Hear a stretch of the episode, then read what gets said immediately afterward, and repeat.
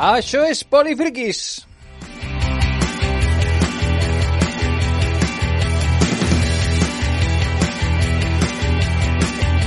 Benvingudes, benvinguts a aquest programa de Ràdio Sant Cugat, on ja sabeu, cada dimarts parlem de jocs de rol, de còmics, de fantasia, de, de, de pel·lícules, de sèries, de totes aquelles coses que li apliquem el qualificatiu de friki, i com que són moltes, doncs són polifriquis.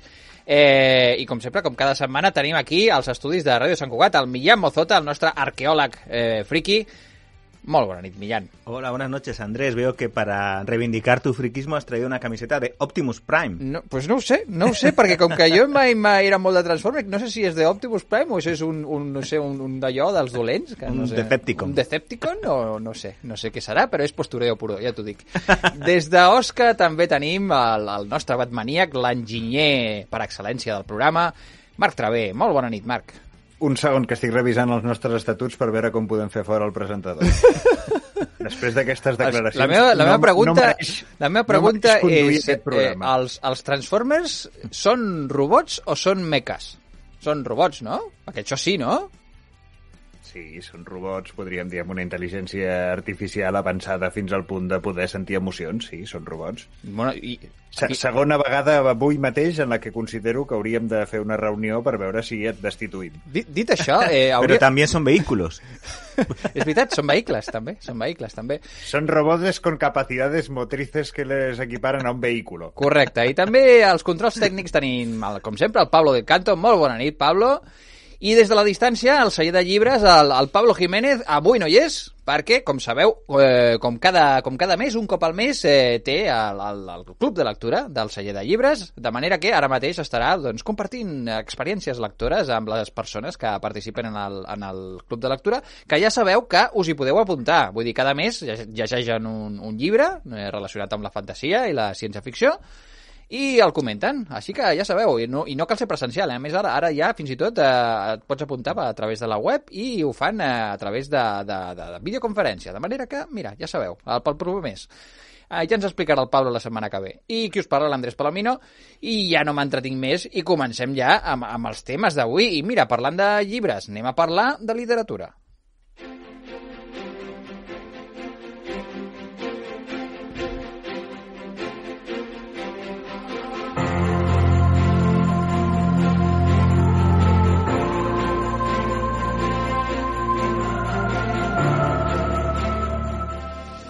Doncs anem a parlar de llibres. Avui, eh, mira, no serà, no serà el Pablo Jiménez qui en parli de llibres, sinó que, mira, donem l'alternativa amb el Marc i amb el Millán, que han portat un parell de llibres, crec que bastant interessants per parlar. El primer, eh, el del Marc. Marc, el, el dia D, què és això? El dia D, avui sí, avui és D de dimarts, és avui. No, no, no sé si estic disposat a seguir amb el programa avui ja. Aviam, eh, el dia D és eh, el dia D és l'apel·latiu que va rebre el dia el que s'havia de dur a terme o havia de començar l'operació Overlord, que és la- l'operació de més coneguda com el desembarcament de, de Normandia, Uh -huh. i eh, després de les acusacions que dèieu que no, és que últimament no llegim i clar, com que jo m'estava llegint uns llibres tremendament apassionants per la nostra audiència sobre propagació electromagnètica que crec que no els interessaven especialment perquè no generaven mutants ni poders especials ni superherois, sinó senzillament funcionament electrònic, eh, vaig dir, bueno, doncs anem a agafar alguna coseta, no? I, i per Sant Jordi doncs, em, va, em va caure aquest, aquest llibre, que és un dels eh, llibres que té l'historiador militar en- Anthony Vivor, Uh -huh. que té eh, una notable col·lecció de llibres que aborden diferents punts de la Segona Guerra Mundial. En té un que fa el repàs de tota la Segona Guerra Mundial, en té un de Stalingrad, en té un de la caiguda de Berlín, un de la batalla de les Ardenes, és a dir, l'operació Market Garden pels ponts. Eh, si algú vol saber de què va aquesta operació, doncs eh, Un puente demasiado lejano, eh, és, és una pel·lícula prou interessant per, per saber de què va. -huh. I bé, eh, em vaig agafar, em van regalar aquest llibre del, de la batalla de Normandia, Uh -huh. que és un totxo de no sé, 750, 800 pàgines, Lleugeret.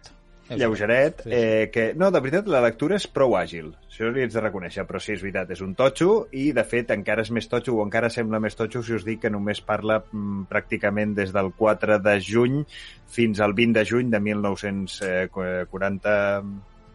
eh, amb, amb tot el desembarcament, eh, de 42, perdó, amb tot el desembarcament, Mm -hmm. I, i la veritat és que és una lectura molt amena que repassa doncs, tota la preparació eh, dels aliats per fer tota l'operació de desembarcament, eh, els efectes que va tenir el fet de que hi hagués un desembarcament allà per la població civil francesa que estava allà tranquil·lament eh, sobrevivint a la situació, perquè al final la part de Normandia doncs, va ser el preu a pagar per, per poder fer entrars, sacrificar tot aquell territori, Mm -hmm. eh, perquè al final s'esperaven uns grans combats. Les defenses que tenien preparats els alemanys, amb els quals bueno, una certa part del, del comandament alemany considerava que, que tot allò no, no, ja era suficient i que no, que no ho penetrarien, Uh -huh. i repassa les diferents participacions, des del desembarcament mític a la, playa, a la platja Omaha de, per part dels, dels americans, Sí. com eh, tota la part que van fer els britànics, els canadencs, els polacs, eh, les diferents, no? les platges Juno, Sword, Gold i, i Utah, i eh, les diferents contra, contraofensives. És un llibre prou interessant, sobretot per tota aquella gent que li pugui ser, eh, resultar interessant eh, el, la, història, la història militar i tots aquells que vulguin saber quanta veritat hi ha i quanta veritat no hi ha en productes audiovisuals com Band of Brothers, com Salvar el soldado Ryan o diferents d'aquestes pel·lícules mítiques del, del món de la història militar que al final no deixen de tenir també una vessant o propagandística, depèn del moment en què es van fer, Sí. o a vegades revisionista de, de la història.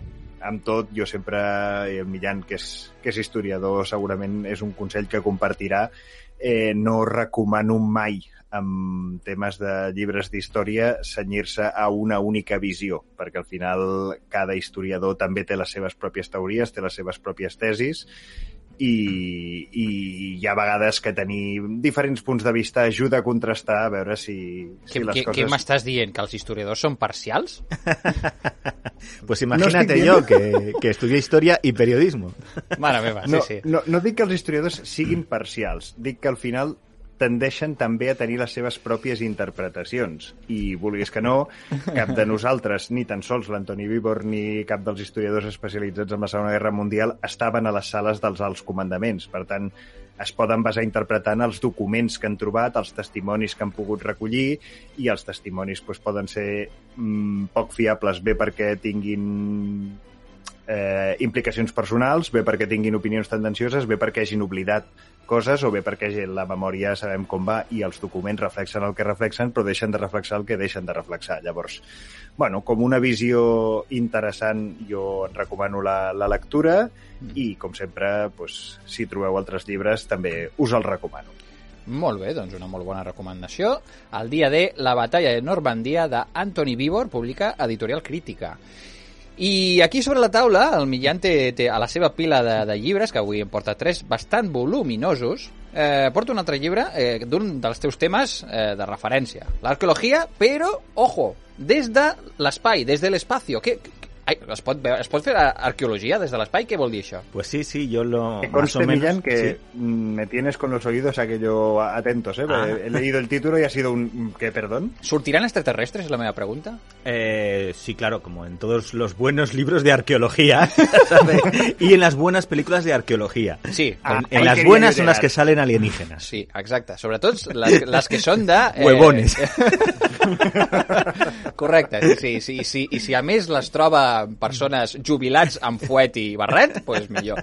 Eh, Millán, ¿de qué va això de l'arqueologia des de l'espacio? Pues mira, es un libro de, divulgación, pero es un libro que está, está muy bien. Mm, De hecho, yo me lo compré en el Selle de Libres hace un poco más de una semana y no era un libro del que pensaba hablar en Polifrikis, porque yo pensaba que sería un libro denso, así como muy especializado, ¿no? Que a mí me interesaba mucho por el tema que trata, que ahora, ahora enseguida lo explico, pero, pero que no sería una cosa para todo el mundo y me equivocaba por completo. Mm. He encontrado un libro que es súper entretenido, súper ágil, lleno de eh, anécdotas personales, de relaciones con la vida cotidiana, con la historia del siglo XX, que ahora paso a, a comentar un poco. Lo de la arqueología desde el espacio, a lo que se refiere es a la arqueología que cada vez se hace más, que tiene que ver con encontrar y ya hasta estudiar los yacimientos utilizando las imágenes de los satélites. Ah, Molt bé. Sabes que ahora, eh, ahora mismo hay decenas, cientos de satélites orbitando eh, la Tierra y que esos satélites, pues los hay que tienen una calidad más o menos baja, ¿no?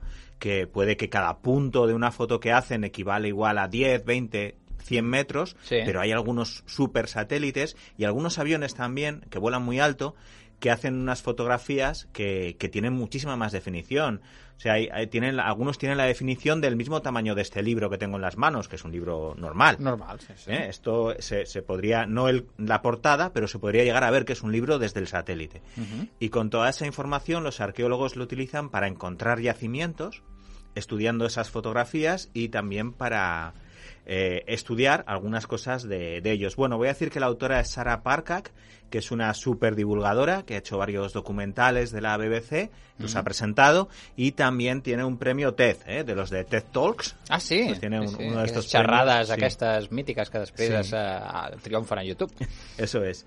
Y, y esta autora es especialista en este tipo de arqueología, en teledetección, ¿de acuerdo? Y en, en fotografía e imagen de satélite y en otro tipo de, de tele- teledetecciones. Porque, claro, las fotografías no solo se hacen en el espectro visible, en los colores que vemos, sino que las- la mayoría de las fotografías de los satélites también recogen ultravioleta e infrarrojo.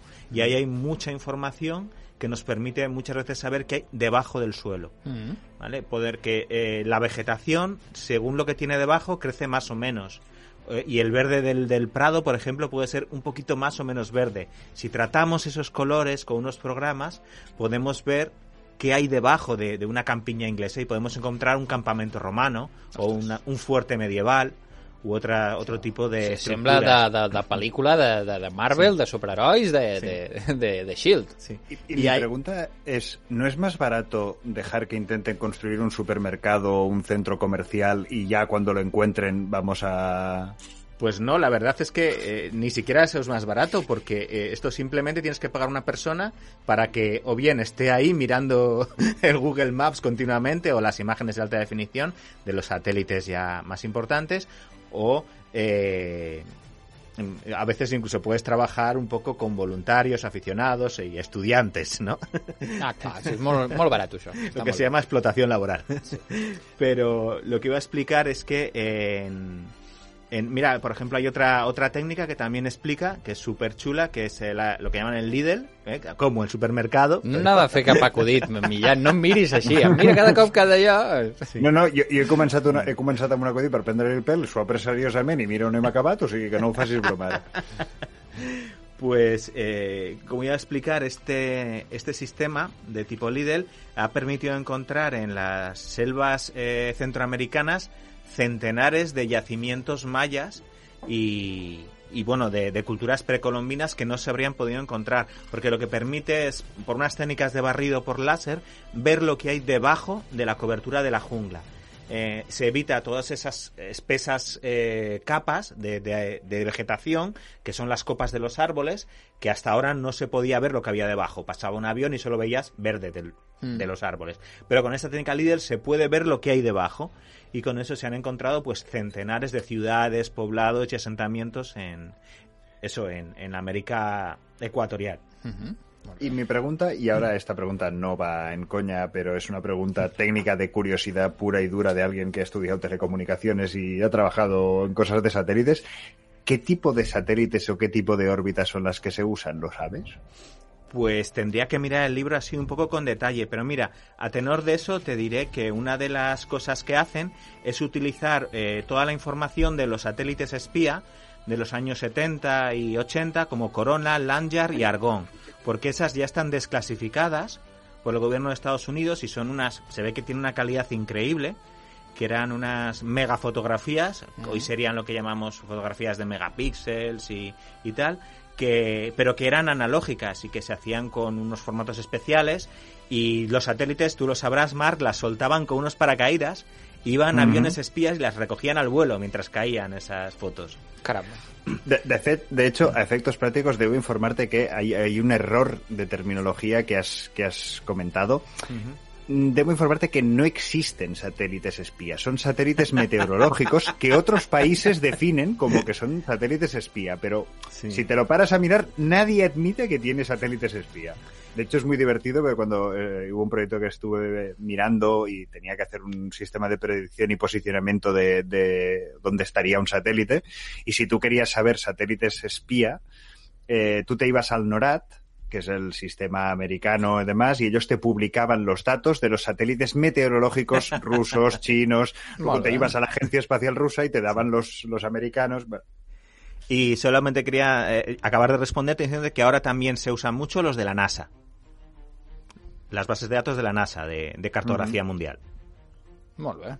Don, doncs té molt, molt bona pinta. és un llibre una mica Eh, tècnic, per lo que m'estàs comentant. No, de, de verdad que no. Esto es porque he contestado justo a Mar lo que estaba contando, pero la autora lo hace súper ameno. Ella va contando su historia personal, cuenta cómo su abuelo era un ingeniero de montes, que ya veía una especie de pionero, que veía como que era muy importante esto de la la fotografía primero aérea y después ya con satélites y que y cómo eso a ella le, le llevó a estudiar historia y bueno eh, y especializarse en este campo de la de la teledetección y también cuenta sus excavaciones en Egipto con todas las anécdotas las historias personales está está muy bien Molt bé, doncs molt, molt bona pinta i molt bona divulgació. Aquesta arqueologia des de l'espacio que ens proposa el, el Millán, el nostre arqueòleg friki, que si ens ho recomana el nostre arqueòleg, doncs estarà bé, dic jo.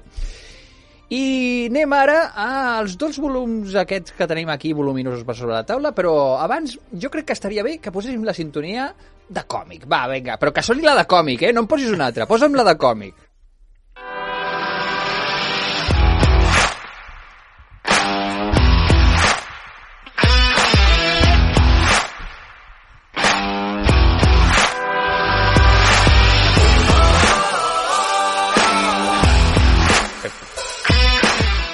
No, no, no. Estoy Aquesta és- confundido. No, aquesta és la... No sé, em sembla que la de videojocs, però bueno, és igual. En qualsevol cas, en qualsevol cas, el Pablo del Canto eh, mai falla. Mai falla, segur. Si ell diu que és la sintonia de còmics, serà que és veritat. Eh, tenim aquí, a sobre la taula, dos volums molt voluminosos publicats per Panini Comics d'una sèrie de mutants, però són mutants més alternatius. No? Los, nuevos mutantes que ahora hace poco hicieron una película supongo que la has visto Sí, la vam, vam parlar a Polifriquis, com que tu escoltes tots els programes quan parlo jo, segurament te'n recordaràs que Claro, vaig explicar-la. es verdad, si hablaste de que te había gustado. Sí, sí. An- Andrés, t'has assabentat que van treure una temporada nova de És- Ministerio del Tiempo? Silenci. a veure, explica'm, aquests dos volums recopilatoris de Los Nuevos Mutantes eh, tenen molt bona pinta. A veure, Sí, lo que de hecho es como una recopilación de to- casi toda la serie regular eh, en dos tomos que tienen unas algo más de 600 páginas cada uno, con lo cual nos vamos a las 1300 páginas entre los dos y, y recoge eso, toda la, la serie regular de, de los nuevos mutantes, de, de estos cómics de, de superhéroes que eran un aparecieron como un spin-off de los X-Men, lo que aquí conocíamos como la Patrulla X, que yo lo sigo llamando la Patrulla X. eh, diguem que Los Nous Mutantes són una fornada d'alumnes d'aquesta acadèmia del professor Charles Xavier, no? que es dedica als mutants a replegar-los, pues, donar- donar-los un, un, un sostre on viure i allà, pues, a, a, a part d'ensenyar-los matemàtiques i de tot, els hi ensenyen a, a fer servir els seus poders i a partir d'aquí, quan ja els dominen, ja, pues, ja els envia a fer coses i missions i, i mogudes, no? Eso es, como en las décadas anteriores había, se había creado la Patrulla X, los X-Men, y habían pasado de ser los estudiantes de Xavier a convertirse en unos superhéroes por derecho propio, que ya no estaban nada para estudiar y dar clases ni, ni nada de eso, pues eh, se había perdido esa parte del, del espíritu y de la idea inicial de la Patrulla X, y tanto los responsables de Marvel como eh, quien manejaba un poco el tema mutantes, que era Chris Claremont, el gran guionista de, de aquella época, querían recuperar esta idea. Entonces crearon una serie de nuevos personajes, les dieron pues un toque así original. Eh, en primer lugar, hicieron que fueran todos adolescentes con lo cual le introducían toda una serie de cuestiones sobre lo que sería el coming of, of age, ¿no? El hacerse mayor, eh, los conflictos intergeneracionales también con los X-Men mayores, con el propio profesor Xavier, las eh, también se introdujeron cuestiones que, que tienen que ver con el tema étnico y con los prejuicios raciales, jun- junto con, con el tema de los mutantes. Sí, eren bastant diversos, no? También eran bastante mutantes, diversos. allò, Había que sí, un de cada era- país, sí, allò... Que era brasileño, eh, eh, de origen, bueno, af- africano, eh, había una chica amerindia, había un chico del American Punk, ¿no? De la América, de la América profunda, Mm, mm. de- de- in the middle. Eh, y a principio de todo también había una chica asiática, china, pero que, que era Karma, que enseguida de- desaparece de, de la serie. Y, y bueno, eh, O sea, estos era- cómics... Era la vez de trueno de la tercera generación. sí, un poco sí. Y estos cómics, eso, em- empiezan hablando de, de tus, sus historias mutantes y, y un montón de, bueno, aventuras así un poco locas a veces, introduciendo temas como muy Claremont, sagas que tienen que ver con mm, eh, una especie de nueva Roma, no una ciudad romana que perdía en medio del Amazonas, que tiene así un toque como de aventura pulp, o, y también una, una versión, otro pequeño arco argumental, que es una... Los antagonistas son la- los adolescentes del Club Fuego Infernal, que son los antagonistas de toda la vida de la Patrulla X. Sí, sí, Como jo, pequeños. les típiques, sí, sí, és com, com a DC Sí. també, que tenen els Teen Titans, ah, no, els Sí. Teen Titans, sí, Teen Titans, no, els Titans, els Titans i, i quins altres, i un grup de, de, també Y la, d'adolents que y la- ah, sí, bueno, sí. sí, tenen una versió també, bueno, les versions juvenils aquestes dels, dels grups poderosos, eh, sí, sí, sí, efectivament, doncs també van tenir aquests mutants, això. I el Però segundo el segon volum, ara, aquest és el que m'interessa. Sí, el segundo tomo es lo que hace es introducir ya desde el principio en el primer número a lo que fue un dibujante mítico de, de cómics del- de, esta época que fue Bill Sienkiewicz. De nom impronunciable i estil eh, sí. super característic. Entonces hacen un tándem Claremont y Sienkiewicz en, en guion y en dibujo y es una de las épocas más recordadas y más famosas de los mutantes en general y de esta serie en particular, ¿no? Comienza con la lo que se llama la saga del oso, que es en lo que está basada la película. Sí. que han sacado recientemente, que tiene un dibujo espectacular. Ujú. y, y bueno, van a, eh, de hecho son una serie de arcos argumentales como muy locos, ¿no? Primero hay una especie de oso espíritu gigante, después llega una criatura interestelar que es una especie de ser tecnoorgánico que es Warlock, Mm. eh, después hay una saga que tiene que ver con... eh, bueno, el, la- lo que fueron las, las segundas Secret Wars y la venida del Todopoderoso a la Tierra, donde también pasan cosas bastante marcianas, en fin, es como unos guiones muy hechos para el lucimiento de ese dibujo tan particular, como impresionista, Mm. con, con tinta, con dibujos muy exagerados, que era el que hacía Bill Sienkiewicz, ¿no? ¿A ti te gusta? A mi m'encanta. Em- Eh, a veure, en, en l'època recordo perfectament quan es van publicar Los Nous Mutantes que era molt polèmic, perquè hi havia gent que Sí. estava enamoradíssima i es flipava amb els dibuixos de Sienkiewicz Mm. i hi havia gent que l'odiava a mort, en plan, que flipau, que és això, que sembla és un deliri visual absolut. I era realment això, estava molt a favor de, del lluïment d'aquest eh, autor, molt característic, amb aquest estil, eh, això, això, molt recarregat, eh, amb, amb expressionista, en certa, Sí. en certa manera. A més, eh, com, com es diu aquest estil alemany? Eh, im, em, em, em surt impressionista, però no, no, no és impressionista. És, eh, ja sortirà. En fi, molt característic Jo- i molt agressiu. Per, per, per exemplificar el que deia l'Andrés, jo em vaig llegir crec que tota la primera generació, tota la segona generació, no m'he llegit pràcticament res de la tercera. Veus? Veus? Ves que, que haters, Mm. són tot haters. Expressionista, anava a dir expressionista. Y la, la última parte de, de esta saga, eh, o sea, de este, de este volumen, lo que tiene es la, lo que es la saga de Legión, que es un personaje perfecto también para el lucimiento de, de Sienkiewicz, porque es un personaje, un telépata superpoderoso, que es hijo de Charles Xavier, del profesor X, Mm. y que eh, el profesor X tiene un nombre un poco raro, pero bueno. Eh, este Legión es un- Llámale X. Sí. es un personaje que tiene personalidad múltiple y que atrapa a la gente dentro de su mente, ¿no? O sea, es un rollo totalmente onírico Mm. y psicodélico en el cual se puede dibu- dibujar casi cualquier cosa y está muy, muy en su tema. Y luego termina, que está muy bien, con dos especiales, dos anuales, uno de los nuevos mutantes y otro de la Patrulla X, que es- formaron lo que se llamaron las Guerras Asgardianas, que eran unos especiales en los que los mutantes iban a As- al Asgard, es decir, al mundo de Thor y de los mitos nórdicos, y se metían allí y, bueno, cada uno se, se creaba su propia historia dentro de, de la mitología nórdica, ¿no? Y eran muy, muy chulos. A mí me gustaban mucho más porque están dibujados por Arthur Adams, que es un dibujo un dibujante totalmente distinto. De res a siempre. veure amb Sienkiewicz? Sí. que sí, Súper detallista, ¿no? Muy muy un poco recargado incluso con un gran gusto por dibujar paisajes y demás. Molt bé, doncs aquests dos volums recopilatoris, aquests òmnibus de, de Los Nuevos Mutantes, publicats per Panini, molt, molt recomanables. Això que, que sortirà uns 45... 35. 35? Ah, pues mira, no, no, no, has dicho bien, 45. 45, 45. Es que han ido subiendo. Sí, sí, no, els òmnibus, els sí. darrerament, quan els he anat sí. veient, estaven tots al voltant, eh, també s'ha de dir que són molt voluminosos. Sí, i, y son, son buenas ediciones. Sí, sí, Están sí. bien elegidas porque siempre te ponen alguna cosita extra para complementar a la colección regular. Mm. Todos tienen su prólogo, sus explicaciones, portadas alternativas, son buenas ediciones. Molt bones edicions que podeu demanar a la vostra llibreria de proximitat, com sempre recomanem. En el nostre cas, eh, segurament el Millán els ha demanat al celler de llibres, alguna cosa em diu. I si no, doncs, la que més us agradi, més ràbia us faci, que estigui més a prop i que sigui de proximitat. I ara, si us sembla, eh, anem a agafar el tren i per jugar uns jocs de taula.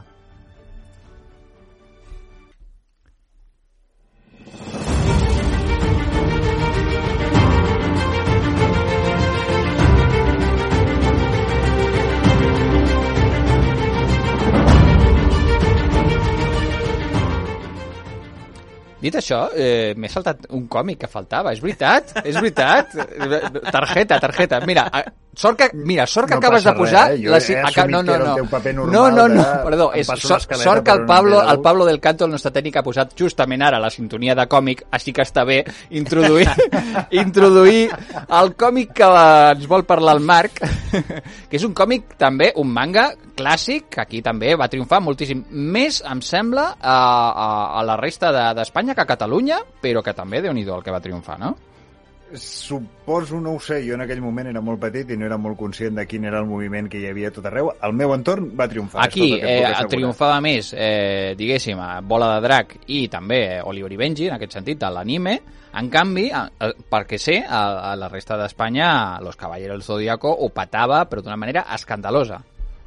Sí, aviam, era un, és un manga que d'entrada s'ha de llegir en la seva perspectiva històrica, perquè va, ser, va, va començar el 1985 i es va acabar el 1990 eh, i es publicava en una, en una revista. Per tant, s'ha d'entendre en un d'aquests mangas que no serien precisament l'actualitat. Mm. De totes maneres, de què va, no? De fons, doncs imaginem eh, una espècie de bola de drac, perquè al final no deixa de ser el mateix estil de, de còmic de van apareixent enemics i els anem derrotant i està tota la lluita. El que passa és que en lloc de ser lluites que duraven set capítols en la sèrie o que en els tomos de còmic pues, una sola baralla durava sis volums, eh, són molt més àgils, els combats són bastant més ràpids i està basat en una espècie de mm, llegenda en el que cada 200 anys aproximadament eh, a la Terra, diguéssim, els déus grecs eh, tornen a, tornen a néixer, no apareixen tots, però principalment apareix eh, Atenea, la deessa de la sabidoria, i en alguns moments de, de la guerra eh, apareix Poseidon, el déu del mar, apareix Hades, el, el déu de, de l'infern, i eh, cadascun d'ells té tot un seguit de eh, cavallers que llueixen les armadures de les constel·lacions del cel, algunes existents, altres igual tretes per la patilla, no passa res. No us el prengueu com un documental històric sobre mitologia grega, perquè no seria, no seria el punt, però bueno, basat en aquest mm, mundillo i en aquest rerefons, doncs sí que agafaven i creaven tots aquests eh, cavallers que la gràcia era que estava ambientat a l'actualitat, Mm. evident- entenent l'actualitat com als anys 80. Però eh, sí, va ser un còmic que va arribar a tenir 28 volums, de, si no recordo malament, del que després n'han sortit una sèrie d'animació, que és probablement una de les coses que més ho va, que més ho va patar aquí a Espanya, que eren eh, un, de gairebé 120 capítols. Mm. Hi havia unes oves de 31 episodis, després n'han anat traient noves sèries. La sèrie d'animació costa bastant de trobar, Mm. però si entreu a Netflix mateix eh, trobareu versions modernitzades molt més curtes, d'igual 20-30 episodis, amb, amb animació digital que, que us permeten fer-vos una idea de, de què anava la, la història. Molt bé. Fantàstic, sí, sí, jo me'n recordo perfectament quan, quan, quan es van estrenar a Telecinco, allò era una cosa... Oh, tothom en parlava. Y desafiaba un poco las cantar la canción. convenciones, las No, convenciones no de no género, porque había caballeros hombres, mujeres y hombres mujeres. Sí, sí, sí, sí, sí. Sí, sí. Hi, havia, hi havia homes, dones. Sí que és veritat que en determinats moments tenien aquests elements i trencaven aquests elements de gènere, però després en tenia uns altres que estaven també molt impregnats, perquè les dones cavaller, per exemple, no tenien el mateix rang que els homes cavaller, Mm. eh, la, la baralla... O sigui, tots els prototips... Eh, L'altre dia vaig sentir una, una frase que era de l'Anna Polo que deia mm, si jo també em miro les pel·lícules Marvel de superherois i tal, i són molt guais, són molt divertides, diu, però un superheroi que abraci i, i ensenyi les seves emocions tampoc passaria res perquè el tinguéssim. doncs aquí també, en general, tots són bastant prototip de- de- d'aquesta masculinitat de guerrera pura i dura, diguéssim. Molt bé, van treure un videojoc també bastant recent, no?, dels Caballeros del Zodiaco, si no m'equivoco. Sí, no, no, han, han, han tret, o sigui, teniu jocs de cartes, teniu jocs de taula, teniu jocs d'ordinador, jocs de rol no sé si n'hi ha, però mm, d'aspecte polifriqui de Home, Caballeros del se- Zodíaco... Seria, el joc de rol seria limitat, eh, més que no, eh, més aviat, Sí, no? I ja, tampoc, tampoc n'ha fet ningú de, de bola de drac pel mateix motiu, crec jo.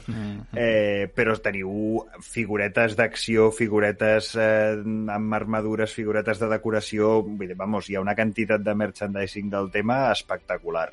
I, i hi ha algun vídeo viral de Damo tu fuerza Pegaso, Sí, no? home, Eh, de- i los meteoros, i sí, sí, estan tots. Molt bé, molt bé. Doncs recordant aquesta, aquesta sèrie, així, així, eh, aquesta sèrie, amb aquesta, en la seva versió eh, manga, eh, que, que m'imagino que és bastant fàcil de- d'aconseguir, no? Em sembla que això eh, ho deu estar el- publicant. els, còmics, els còmics són molt fàcils de trobar. De fet, recentment han tret una altra sèrie que és eh, Senseiya, però en, en versió femenina. Mm. Eh, no l'he llegida, per tant no, no la puc opinar. De fet, estava rellegint aquests perquè eren còmics de, de la meva infantesa i era un va, me'ls vaig, a tornar, me'ls vaig a tornar a mirar. Clar, la versió Eh, femenina és Sense ella. Wow. Eh, ja està. No, no dignificaré el comentari. Uh, en qualsevol cas, eh, sí, són, els còmics són relativament fàcils de, són fàcils d'adquirir avui en dia. Molt bé, doncs, doncs amb aquesta recomanació ara anem així als jocs de taula, perquè jo volia portar a comentar-vos un joc de taula que és un clàssic que, eh, que fa 15 anys i que ara ara tindrà una edició especial. bueno, de fet, no, no és que faci 15 anys, en fa més, perquè eh, us, us volia parlar d'Aventureros al tren. Uh -huh. eh, Ticket to Ride, un, Sí. un superclàssic, un, jo, un joc, un joc per, de taula per tots els públics, eh, molt familiar. Eh, el típic joc de trens. És el, el joc de trens de, de, de tota la vida. Eh, és un, un joc que ja sabeu que eh, es desplega un, un mapa i eh, cadascun dels, dels jugadors o jugadores eh, tenen una sèrie de eh, vagons de tren i han de eh, eh, a completar una sèrie de trajectes eh, al llarg del, del mapa. D'acord? Eh, hi ha diverses edicions. La primera edició és l'edició del 2004, que eh, es desenvolupava en un mapa de eh, Amèrica, d'acord? Però després, eh, uns anys després, eh, es va eh, publicar la versió, almenys la que jugo jo, i la que més més m'agrada, eh, repetit aquest joc. El Pablo m'està comentant que ja n'hem parlat d'Aventureros al tren alguna vegada. Ah, no ho sé, no ho sé. N'hem parlat d'Aventureros al tren? No sé. Jo diria que no. Si, si, si heu parlat vosaltres, no us estava escoltant. Ja us ho estic eh, explicant. En qualsevol cas, eh, està bé, està d'actualitat que ho parlem avui precisament, perquè eh, Asmodee ha anunciat que eh, ara al juny, o sigui d'aquí un mes, eh, treu una edició especial aniversari d'aquest Aventureros al tren, Europa, eh, en una... Lo de aventureros se lo inventaron en la No, traducción. clar, por és que cierto. Ticket to Ride, eh, sí, a veure, a mi naturalment em surt dir eh, Viajeros al tren, evidentment, però segurament ja existia algun altre tipus de, de joc Sí. similar que ja es deia Viajeros al tren, de manera que eh, d'aquí al, a l'Aventureros, eh, que, en fi, és, és el que hi ha. També és una aventura viatjar, viatjar al tren, que Ticket jo. to Ride, aventureros al tren. Sí, sí. Bueno. Ticket to Ride, Aventureros al tren Europa. En qualsevol cas, Asmodee ha anunciat que treu una edi- edició de luxe, que no serà barata, ja us ho dic jo, perquè està, està tots els jocs clàssics eh, d'Asmodee, bueno, d'Asmodee i, i, i moltes altres editorials de, de jocs de taula s'estan dedicant a fer edicions aniversari amb unes fitxetes de qualitat, amb uns vagons, en aquest cas, uns vagons supermacos, supercurrats, una, allò, doncs, un, uns, uns mapa especial amb una qualitat especial, una caixa més grossa, amb tot d'elements eh, de luxe, Eh, una edició que, si us agrada el joc eh, Aventureros al tren, que és un, és un joc que no pot faltar a cap col·lecció de, de jocs de taula, eh, i sou col·leccionistes, us ho recomano molt. Si no sou col·leccionistes, no us ho recomano perquè pica molt de pasta. Yo tenía, tengo, de hecho, la versión de cartas. Se sacaron una versión que era una adaptación en cartas. Correcte, sí, una sí, cajita sí. pequeña que podías llevártela de viaje para jugar, por ejemplo, en el tren. Per exemple, per exemple, una tauleta... No és molt, no és molt còmode. Eh, Jo la tauleta del tren eh, no, no s'acaba de ser còmode. En qualsevol cas, el, el Ticket to Ride és un joc que en una tauleta de tren o de, de la, com es diu, a la... A la, a la Ai, em sortirà, no, avui no em surten gaire les paraules. La furgoneta, no. La, la caravana. Si estàs a la Ah, caravana ah, i vols, ah. vols jugar al, al Ticket to Ride, jo crec que també és un molt bon joc per, per jugar. Va, hi ha moltes versions eh, del, del Ticket to Ride, de diferents ciutats, d'Amsterdam, de, que de Tòquio, també, de Londres i de diferents eh, mapes del món. I també hi ha una versió infantil que la recomano gairebé més que la, la per adults, eh, que es diu eh, Aventureros al tren, el primer viaje, que és una passada, que té uns, uns components una mica més, més grossos perquè puguin jugar doncs, a partir i simplificar una miqueta les, les regles, però molt semblant a la, a la versió per adults, però simplificant una miqueta i amb uns components que són encara més macos, jo crec, que la versió per, per adults. Oh, uns, uns vagons preciosos, unes estacions, uns, i un mapa amb uns dibuixos allà que es veuen a les ciutats d'Europa, allà, els monuments, una cosa preciosa. I a més, es, aprens geografia i de tot. Està molt bé, està molt bé. Ja sabeu, al juny ja, es, ja està en reserva 15è aniversari d'Aventureros al tren Europa. I ara sí, eh, seguiré una miqueta l'escaleta i anirem a parlar una mica de sèries i de cinema.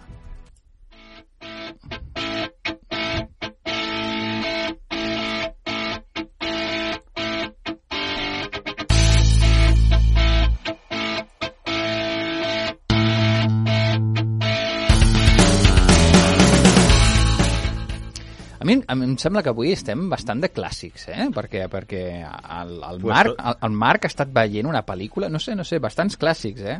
Marc, eh, què has estat veient a Netflix? A veure. Aviam, jo avui vinc a portar què vols que posi primer la pel·lícula o... No sé, Sí, el que està sí. per ordre, si jo segueixo sempre l'ordre de l'escaleta. Uh, no, jo tinc l'escaleta al davant i no estàs seguint l'ordre de l'escaleta, però bueno. Uh, M'he estat mirant una pel·lícula que sí, efectivament, és un gran clàssic, eh, en la meva opinió bastant denostat, que és... No. El bailecito. No és veritat que estigui denostada. Jo que és una de les meves pel·lícules favorites de Bruce Willis, per no dir la favorita. Aviam, és una pel·lícula que va rebre diversos premis Razzie, per tant, no em diguis que no està denostada. Bueno. Uh, en qualsevol cas, eh, Hudson Hawk, o El Gran Halcón, com es va traduir aquí a Espanya, o El Halcón està suelto, em sembla que era a, a, Sud a Sud-amèrica. ¿Es, ¿Es una precuela de eh, Falcon y el Soldado de Invierno? Sí, De clarament. cierta clarament. manera se puede, se puede decir que sí. Sí, hi ha, hi ha un parell de coses que farien pensar que sí. Mm. En qualsevol cas, és una pel·lícula dels mil, del 1991 que en el seu moment es va vendre com una pel·lícula d'acció, perquè no deixava de tenir un Bruce Willis de protagonista i un tràiler molt enganyós, Mm. i va ser un desastre de, ta de taquilla, de crítica, va rebre un fotimer de, de, de premis Razzie, eh, no tinc la llista exacta de què és el que va rebre, però com a mínim va ser, va ser nominada pel pitjor actor, pit, amb Bruce Willis, pitjor actor secundari, pitjor secundària... A mí, Totalment Pitjor guió, injust, pitjor totalment o injust. a mí me parece que esto es una pedantería de, del mundo del Star System, ¿eh? porque si esa peli la interpreta Peter Sellers, hubieran dicho que era la leche. És Exacte. divertidíssima. I, tant. I el de pitjor director, també. De fet, se'n van dur tres. Com a mínim es van dur director, guió i pitjor pel·lícula. Mhm. En qualsevol cas, és una comèdia absolutament eh, de- d'humor eh, repleta de, de gags amb molt slapstick Mm. i plegada d'efectes de so i d'humor absurd que, que fins i tot recorda en certa manera els cartoons en molts moments Mm. eh, que té una quantitat de teories de la conspiració, societats eh, secretes i de més que la fan molt divertida. De què va? Eh, Bruce Willis, en Hudson Hawk o Eddie Hawkins, en funció de com l'anomenin, és un lladre molt famós i molt potent que surt de la presó en els primers minuts de la pel·lícula i que l'únic que pretén és arribar a un bar i prendre's un cappuccino com Déu mana. A partir, el cappuccino és un element molt important de la pel·lícula. A partir d'aquest moment eh, es veu implicat amb un seguit de pressions des del seu propi agent de la condicional a la CIA, a una societat secreta, a un megaloman multimilionari que pretenen eh, robar o pretenen que cometi un seguit de delictes. Eh, tot va eh, amb un seguit d'experiments de fons, amb eh, descobriments que hauria fet en Leonardo da Vinci, suposadament, Uh -huh. i, eh, evidentment, eh, té implicat fins i tot el Vaticà. Uh, la pel·lícula és francament divertida. Uh, troba, no, jo no em vaig estar tronxant constantment, però sí va ser allò de dir, em va treure moltes rialles al llarg de la pel·lícula, és entretinguda, és, mm, és això, és mm, palomitera i és de, i és de gaudir-la una estona i desconnectar allò i deixar-te portar pel bon humor Mm. i sincerament acabes dient, home, doncs, francament he vist coses que no s'han endut ni un sol ratzi molt més dignes d'haver-se endut milions de premis així. I l'escena del robatori al ritme musical em sembla deliciosa. Vull dir, Les escenes. les escenes, correcte. Està Sí, molt bé. no, no, és, és fantàstic. El 6 minuts, doncs 6 minuts. I la que també està molt, molt brillant en la pel·lícula i en el seu paper és Andy McDowell. Mm, sí, sí. Eh, en qualsevol cas, Sí, tam- además es una comedia como muy kitsch, muy luminosa, con una paleta cromática así un poco exagerada, Mm. que es original. La verdad es que tampoco se hacían tot- muchas tot- películas así. tot pretén ser, tot és bastant original perquè res pretén ser seriós, és a dir, al final la, la comparació que heu dit del Peter Sellers em sembla molt encertada perquè realment mm, va amb el mateix esperit. Potser no amb el mateix nivell de genialitat, però va amb el mateix esperit. Sí, sí, podria ser. És, és, la Pantera Rosa és una bona inspiració, sí, sí, realment, per al Gran Halcón. Sí, sí. Eh, I d'aquí, i de, del Gran Halcón, eh, passem al, al, al Japó, m'imagino, no, Millán? Sí, perquè s'està claro. veient alguna cosa així de, de japoneses. I... Uy, sí, una cosa serísima y- y, y súper tatuajes. profunda. de unos tipos muy malos. Explica. De Yakuza a amo de casa. De a veure, només el títol ja, només ja, només pel títol ja val la pena de provar-ho. Una guía para ser un adulto funcional. És una mica, és una mica com aquella pel·lícula de Schwarzenegger, aquella poli de guarderia, o què, què és això? Mm, No exactamente, eh, no exactamente, porque va por un camino un poco distinto a la forma de... Sí que es esa idea de pasar un personaje súper duro, malote, de, del mundo criminal y tal, a, a unas situaciones cotidianas y de otro tipo, pero el, el- la forma de, de afrontar y de crear el gag y el humor, porque es una serie de risa, eh, es bastante distinta. De hecho, bueno, se basa en un manga, en un manga que se tipo webcomic, eh, que se publicaba en una revista de, de cómic japonés, eh, pero creo ya una revista online, Ujú. desde 2018, y era un poco mm, como mini historias, ¿no? Un poco viñetas largas o mini historias en las que en cada una de ellas contaban una casi una pequeña anécdota, ¿no? De cómo el personaje principal, que es un ex yakuza, el tipo más duro de los barrios bajos de Tokio, ¿no? Eh, con- criado en toda esa cultura de, de la mafia japonesa, que es la yakuza, pues eh, deja por completo esa vida, se casa y se convierte en amo de casa porque su mujer es una eh, ejecutiva de una empresa y tiene que trabajar todo el día y él es el que lleva la casa, ¿no? Entonces son sus historias de cómo tiene que adaptarse a la vida cotidiana y cómo él pues muchas veces recurre a su forma de hacer las cosas yakuza mm, para intentar solucionar los problemas cotidianos y eso siempre lleva al desastre, ¿no? Molt bé, Estoy, fantàstic. estoy, estoy viendo la adolescencia de los hijos. Entonces, es, la verdad es que es muy, muy divertida. Me hizo mucha gracia. Eh, está en Netflix, se puede ver y son eso, eh, episodios que cada uno de ellos tiene eh, media docena de mini historias, así un poco gags, tipo los de Shin-Chan, si os acordáis, Sí. eh, en los que te van a, a contar un, un enfrentamiento terrible del Yakuza, pues con, por ejemplo, la rumba, cuando la rumba se descontrola y empieza a mancharlo todo, y entonces decide que tiene que darle un escarmiento, ¿no? Para que aprenda su lugar, o, bueno, es, eh, toda clase de, de eso, de situaciones un poco locas que, que genera, que está muy bien porque al final es una reivindicación de la normalidad, ¿no? y que está muy bien ser un duro yakuza y tal, pero que los problemas cotidianos, pues al final son más importantes. Molt bé, molt bé. Amb aquesta una pel·li lleugereta de Yakuza Amo de Casa, no està mal. I tu, Marc, eh, ja has vist una altra cosa més. Eh, estem en, eh, temàticament, avui Netflix a tope, no?, perquè estem veient, perquè una altra recomanació de Netflix. A veure, que, ni que ens paguessin. Aviam, la meva no és exactament una recomanació. A veure, Ai. a veure, que ja parles una cosa d'aquestes que parlaràs d'algú perquè no ho veiem o què? avui m'he avui m'he posat gamberro. Eh, no, no, no és perquè no la veieu, és perquè la vegi un determinat tipus de públic. Uh -huh. És una minissèrie de, El que està borratxo. quatre, cap, de quatre capítols de temàtica zombi, Uh -huh. En la que eh, hi ha un seguit de cossos policials eh, d'èlit, eh, és a dir, ja no estem parlant d'un oficial de policia de trànsit, sinó que estem parlant del típic... Eh, eh, aquella difusa barrera que hi pot haver entre certs cossos policials d'èlit i cossos ja militars. De fet, algun dels personatges igual és algun militar, -huh.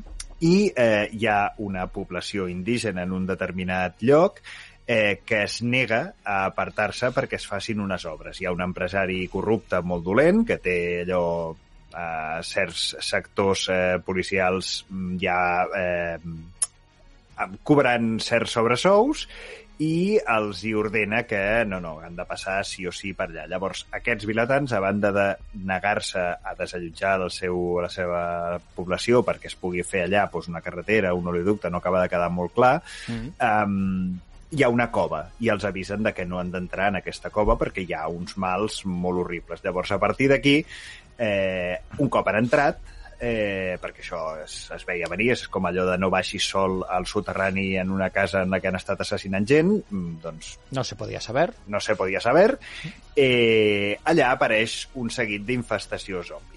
Fins aquí sembla prou interessant eh, si t'agrada més o menys el gènere dels zombis. Uh, però què passa si us dic que és una producció no de massa elevat cost, eh, feta a la Índia amb uns zombis amb casaca vermella britànica. Uh -huh. Bueno, Ari gana- ha ganado, pero Molt bé. Ens ¿Dónde está el ge- pero? Ja està generant més curiositat. La cosa adquireix uns tintes eh, en determinats moments surrealista. Eh, S'ha de dir que eh, jo me la vaig posar així perquè vaig dir, bueno, una, una sèrie de zombis així, producció índia, anem a veure què tal, anem a donar-li una oportunitat, eh, i jo vaig acabar descollonat del riure. O sigui, jo, jo vaig acabar en plan de, venga, va, més, si us plau, ja, mm, mm, no hem arribat a un, a un nivell de surrealisme suficientment important, continua pujant. Eh, és curiosa, té unes quantes idees que són, que són interessants. Ara, no ho definiria com un producte de primera categoria del món dels zombis. És a dir, no és el amanecer de los muertos vivientes, no és George Romero, és pa cafeteros del tema de, de pel·lícules de zombis o per gent que, com deia abans el Millán, tingui ganes de si passa alguna xupito. doncs, Molt bé, molt bé. si sale un zombie chupito. Molt bé. Eh, no, això no ho recomanaria. Molt bé, doncs aquesta Betal, eh, que podeu eh, gaudir també a Netflix, anem a comentar una de les estrenes cinematogràfiques, perquè sembla que no, però els cinemes a poc a poc es van reactivant i a poc a poc es van estrenant cosetes, i una de les sorpreses de la taquilla de uh, la darrera setmana, de la darrera quinzena, és una, un fenomen clarament polifriqui, que és el retorn de El Senyor dels Anells a les pantalles. Senyores i senyors, perquè fa 20 anys de l'estrena de, de, de la primera de les pel·lícules. Ya hace 20 años de todo. 20 anys, 20 anys. Com pot ser? Què estaves fent tu fa 20 anys, el 2001, Millán? Pues iba a ver el estreno. I de vas a ver, anaves a veure la, la Comunitat del Anillo, de la, la primera entrega Con de... miedo. Iba con miedo, però- Sí, estàvem, sí no, no, anàvem amb dubtes perquè no sabíem si ens agradaria. Després, jo crec que en general el, el, el fandom, a les fans i els fans de, del Senyor dels Anells, del llibre de, de Tolkien, van quedar bastant satisfets Sí, amb sí. el, la projecció eh, que va donar i, i el, la revolució en el que seria a nivell d'efectes i també de, de, de, de projecció mainstream eh, d'una novel·la de gènere fantàstic, perquè al final que, pues, que recaptés tants i tants milions eh, en taquilla una pel·lícula que, que era, nosaltres havíem jugat a rol abans i tot allò, i havíem llegit els llibres i era una cosa reduïda com per, per la comunitat polifriqui doncs de sobte doncs, tothom sabia qui era, qui, era, qui era Frodo i qui era Gandalf i, qui, i veies a, a, a les telenotícies fent... Ara mateix, als telenotícies pots veure eh, eh, acudits de Gandalf, per exemple. És molt fàcil que algú digui, ai, este és Gandalf. Sí, sí. Així que va convertir-ho en mainstream. En qualsevol cas, 20 anys d'aquesta primera pel·lícula de Peter Jackson del Senyor dels Anells i amb aquest aniversari eh, la gent de Warner, que pel tema del business i la pasta, doncs ja sabem que, que tenen una mica de, de vista, han decidit reestrenar eh, encara que estem en aquesta època de poques estrenes cinematogràfiques, eh, reestrenar les pel·lícules del Senyor dels Anells per temps limitat i amb una versió restaurada en 4K, als cinemes, pantalla gran. Eh, dona moltes ganes de veure-la. Què passa? Que la primera setmana, que va ser eh, del 30 d'abril al 6 de maig, eh, que només es poden veure durant una setmana, més, eh, que si no se't passen i ja no els pots tornar a veure més, aquestes versions. Eh, la, la primera entrega del Senyor dels Anells va recaptar de, aquí, només a Espanya, al voltant de, eh, de 300.000 euros, que ara mateix, tal com estan les sales, no és poca cosa, i es va posar en número 1 de taquilla. No, no, que és, està realment molt i molt bé. Molta gent va al cinema amb les mesures de seguretat adequades i els aforaments reduïts, com ja, ja sabem, i van veure la primera, la primera entrega. Eh, us recomanem que si heu de veure les següents, que estan ara mateix. Ara mateix, eh, el divendres passat van estrenar la, les dues torres, de manera, de manera que ja la podeu anar a veure, i la setmana vinent, el divendres, reestrenen eh, El retorno del rei. De manera que podeu acabar de, de veure la, la trilogia en 4K, no us les perdeu, i si heu de triar, jo us recomanaria que anéssiu a alguna sala que tingui una bona pantalla, unes bones butaques i un sistema de so espectacular per acabar de gaudir aquesta versió restaurada eh, de la manera que es mereix. La meva pregunta és, és l'extesa o és només la versió... Diria que és la versió normal, no és la versió extesa la que han reestrenat, perquè tampoc no està per a tantes, tan cafeteros, em sembla. I a més, I eren largues, de Clar, no, no, i eren molt, molt llargues i ara mateix pues, també amb les restriccions... No sé, jo estrenaria la curta, perquè eh, vistes les restriccions sanitàries i tal, no cal estar en un lloc tancat amb tanta gent durant molta estona. No cal forçar tampoc la màquina, ja, la, la, els cinemes són segurs i... i... No, clar, no cal forçar, posem ja la de dues hores i mitja, quasi tres hores, que és la normal. Sí, aquesta és la normal, la fàcil. Així que torna, torna al Senyor dels Anells. També està, eh, sabeu que està eh, el Senyor dels Anells molt en boca de tothom, el, el que ja hem comentat eh, moltes vegades amb el Polifriquis, que és la producció d'aquesta nova sèrie eh, ambientada en el món de, de Tolkien, del De la dels que hay Anells. sorprendentemente poca información. Digo, Sí, sí. Hay muy poca. Estan guardant eh, molt, molt, fet, molt, molt, molt jo, curosament jo la els hi haig de informació. reconèixer, o els hi haig d'agrair, perquè han aconseguit que torni a aquells anys de l'estrena de la trilogia, perquè quan hi va haver l'estrena de la trilogia, com veu dit abans, hi havia certa por perquè hi hauria, i ara torno a tenir por per veure què faran. Bueno, por, o ja veurem, ja veurem. A veure, eh, el, el, com a mínim han contractat, un dels directors que han contractat és, és, és, és Bayona, el director di- català, eh, de manera que, a veure, a veure, vull dir que les, les pel·lis de, de Jurassic Park de Bayona no estaven gens malament, i algunes altres pel·lícules que ha fet també són molt espectaculars, és un, és un, és un home amb, molt d'ofici, i, i que el tema de, de les pel·lis de gènere i d'acció i tal, mm, té una petja molt personal, jo crec que és un bon director. No sé què, què opineu vosaltres, què us sembla de que hagin triat a, a Bayona per, per fer, dirigir algun dels capítols? Bueno, creo que el Parque Jurásico no sería lo mejor. No, cosas no està mal aquest parc mejores. juràssico. Està bé, està bé, com sou? Sou, sou mala gent. No, no és que siguem mala gent, és que igual no seria la imatge, a menys que vulguis veure els Nazgûl en mode salvatge, Però no compareu, però, però, però, però Bayona és un tio que fa bé cinema i el cinema de gènere el fa bé. No sigueu, no sigueu així. D'acord. sí, sí, sí, a mi em sembla un bon director. El que passa és que eh, és el de sempre. En el seu moment, jo et recordo que sóc dels que va pensar que en Guardiola li vindria gran entrenar al Barça. M'ho he- m'ho he de menjar. Doncs sí, en el sí. seu moment vaig pensar Peter Jackson, mm, a veure si això serà capaç de fer-ho o no.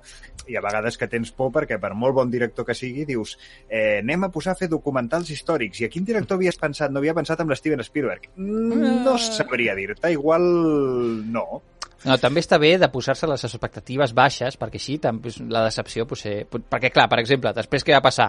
Després que Peter Jackson va fer, va fer El Hobbit, que ho va convertir un llibret eh, estratet en, en una trilogia, eh, clar, eh, no vam acabar tan contents com vam acabar amb la trilogia del Senyor dels Anells. No sé vosaltres.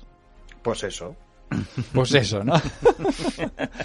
Molt bé, doncs... gràcies per donar-me la raó. Doncs amb, aquesta, amb aquestes expectatives, per aquestes ganes de veure la, la sèrie d'Amazon, de, del Senyor dels Anells, i amb, amb la il·lusió de tornar als cinemes a veure en pantalla grossa a Legolas i Gimli amb la seva història d'amor, que és el què va aquesta pel·lícula, al final, eh, anem acomiadant el programa, si us sembla.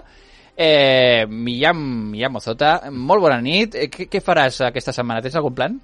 de así polifriki. Sí, ¿quieres home, decir? polifriqui. Si no, en general també ens els pot dir, però, però així, eh, polifriqui. Tengo, me falta de ver un episodio de Bad Batch y ya lo enlazaré con el siguiente. Ai, molt me bé, parece jo també. muy interesante. Jo també, jo també. No por- spoilers, que no l'he vist. Jo porto dos també de Bad Batch eh, i el, avui, demà, no, el dimecres, el dimecres s'estrenen, o sigui que ja sabeu, Disney Plus també, de Bad Batch de Star Wars.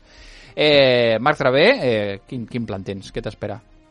Doncs eh, si tinc sort, mm, m'agradaria poder tenir temps d'anar a veure la de les dues torres i m'he comprat un còmic que em fa molta... em pica molt la curiositat del Garth Ennis que es diu Sara sobre franctiradores a la Segona Guerra Mundial del bloc comunista. Molt bé, i acomiadem també el Palo del Canto, que segur que té molts pans polifiquis i, i segur que vol reinstal·lar el Windows també, que és una cosa que li agrada molt aquest cap de setmana.